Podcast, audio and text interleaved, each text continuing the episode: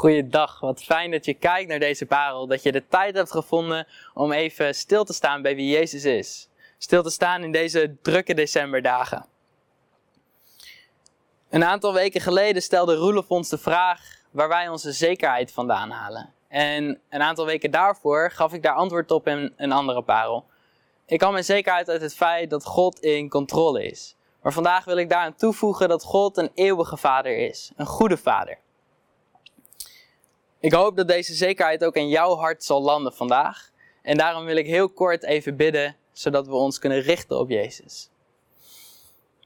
Lieve Koning Jezus, God, Vader, dank u wel dat u hier bent vandaag. Dat u door deze woorden heen zal spreken. Dat u uh, ons de tijd geeft om hierbij stil te staan. Dat u mij de tijd gaf om hierover na te denken. En ik bid dat deze woorden ook in ons hart getransformeerd zullen zijn, Heer. Dat die iets met ons zullen doen.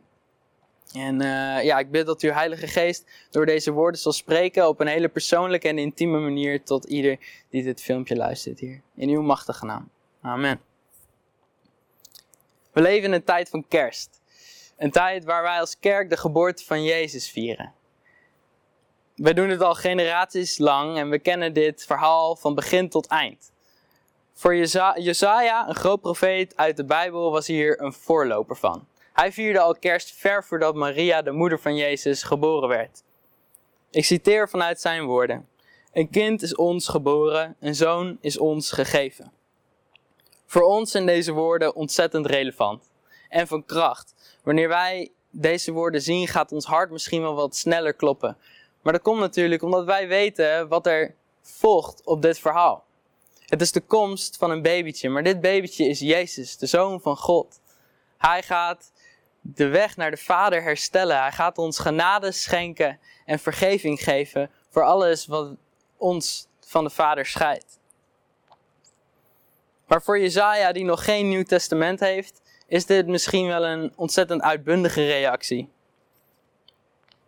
Jezaja zag de komst toch, ondanks dat hij geen Nieuw Testament had, als iets wat zijn generatie en de generaties die gingen volgen nodig had. Jezaja had het voorrecht om kennis te maken met de namen die Jezus zou krijgen. En ik geloof dat hij uit zijn dak, zou, uit zijn dak is gegaan toen hij deze namen voor het eerst hoorde. Wonderbare raadsman, goddelijke held, eeuwige vader en vredevorst. Veel van deze namen die spreken van goedheid en hoop. Maar ik wil even stilstaan bij de naam eeuwige vader. Een titel die veel vragen bij mij opriep.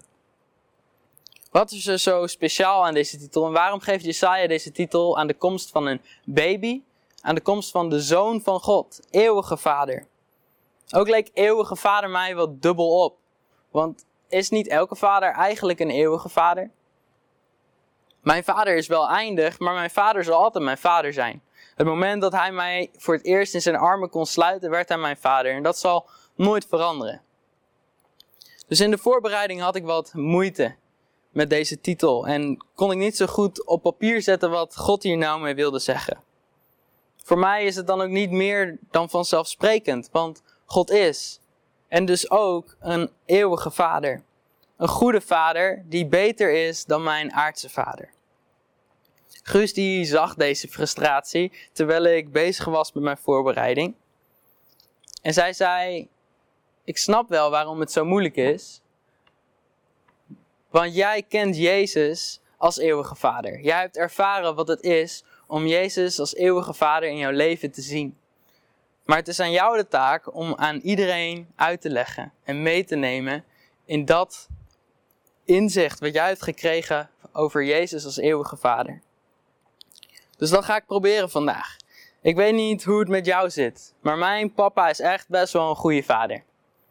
Voor zover als ik weet, heeft hij altijd zijn uiterste best gedaan om mij zo goed mogelijk op te voeden. Hij heeft altijd naar Jezus gewezen als ik dat nodig had. Hij is altijd. Uh, hij heeft mij kennis leren maken met de genade van Jezus. Zo, dus mijn vader is een goede vader. Mijn vader houdt van mij en hij leert mij wat liefhebben is. En mijn vader vergeeft mij als ik schuld beken. En hij leert mij wat goed en fout is. Maar wat Uh, zo, wat onderscheidt mij dan van Jezus als eeuwige vader? Uh, wat onderscheidt mijn vader dan van Jezus als eeuwige vader? Dat is niet zo eenvoudig als dat het klinkt. Hoe je het ook bent of keert, het beeld dat jij hebt van Jezus als vader is altijd gelinkt aan hoe jij jouw aardse vader ziet. Laten we beginnen met de positieve kant van dit verhaal. Het vaderbeeld dat ik heb van Jezus is geïnspireerd door het beeld wat ik heb van mijn aardse vader. Daarom zal ik altijd naar Jezus gaan wanneer ik verdriet heb. Omdat ik weet dat mijn aardse vader altijd bereid zal zijn om alles aan de kant te zetten om mij te troosten. Ik ben ook niet bang om naar Jezus toe te gaan om mijn fouten toe te geven. Omdat ik weet dat mijn vader mij altijd wist te vergeven op het moment dat ik hem schuld bekende. Maar misschien herken je je niet helemaal in al deze voorbeelden die ik geef over mijn aardse vader. Misschien gaf jouw aardse vader jou wel de liefde die je nodig had door middel van het geven van spullen die je nodig hebt. Of was hij altijd de goede helpende hand die met oplossingen kwam wanneer jij dat nodig had? Een dikke kans dat jij die eigenschappen ook linkt aan Jezus. Jezus als jouw eeuwige vader. Maar waarom geeft Jesaja dan de titel eeuwige vader aan Jezus? Wat Jezus onderscheidt van alle eeuwige vaders, is dat hij altijd eeuwig is. En het klinkt natuurlijk super vaag. Maar ik heb hier echt even over nagedacht. Jezus is vader. Ook daar waar jouw aardse vader dat soms niet kan zijn. Niet omdat hij dat niet wil, maar gewoon omdat hij gelimiteerd is bij de wetten van deze wereld, bij zijn mens zijn. Jezus is diezelfde troostende vader wanneer jouw vader op werk is. Of als jij niet meer bij jouw vader thuis woont. Hij kan voor jou zorgen, financieel, emotioneel, relationeel, op de momenten dat jouw vader er simpelweg de resource, energie of tijd niet voor heeft. Jezus is jouw eeuwige vader, 26-7, altijd en daar voorbij. En dat kan jouw aardse vader niet, want Jezus is omnipresent. Wat betekent dat hij overal tegelijkertijd op elk moment kan zijn. Jezus is jouw eeuwige vader, omdat hij het perfecte vaderfiguur is. Misschien vind jij dat heel lastig en zit je helemaal niet te wachten op een eeuwige vader die altijd met jou mee kan kijken.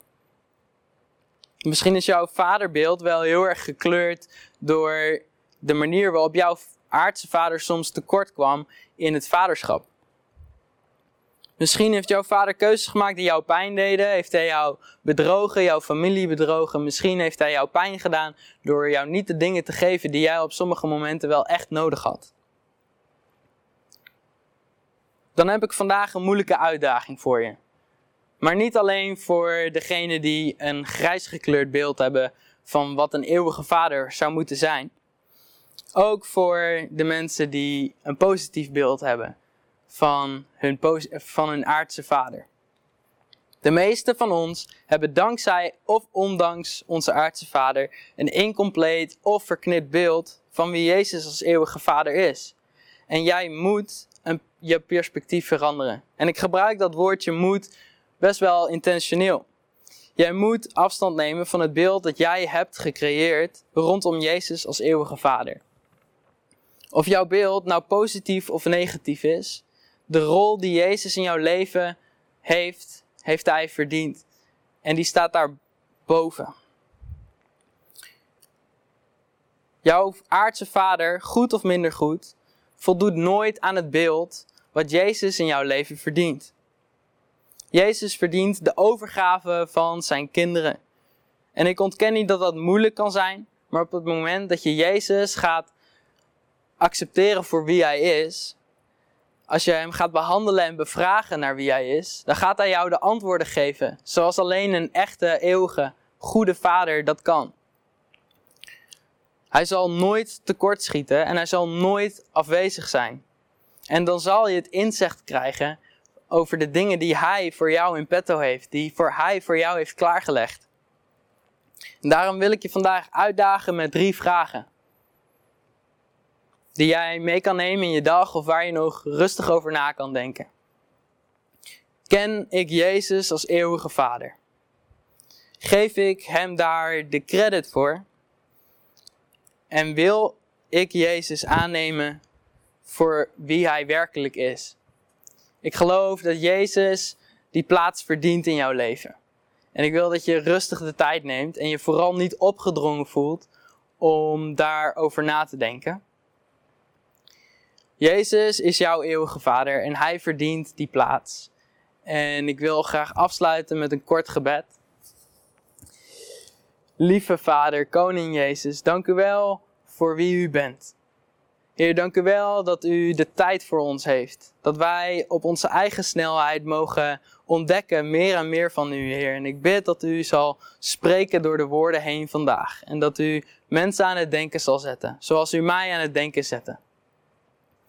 Heer, ik bid dat u mensen zal aanraken met de vragen die ze vandaag met, met zich mee mogen brengen.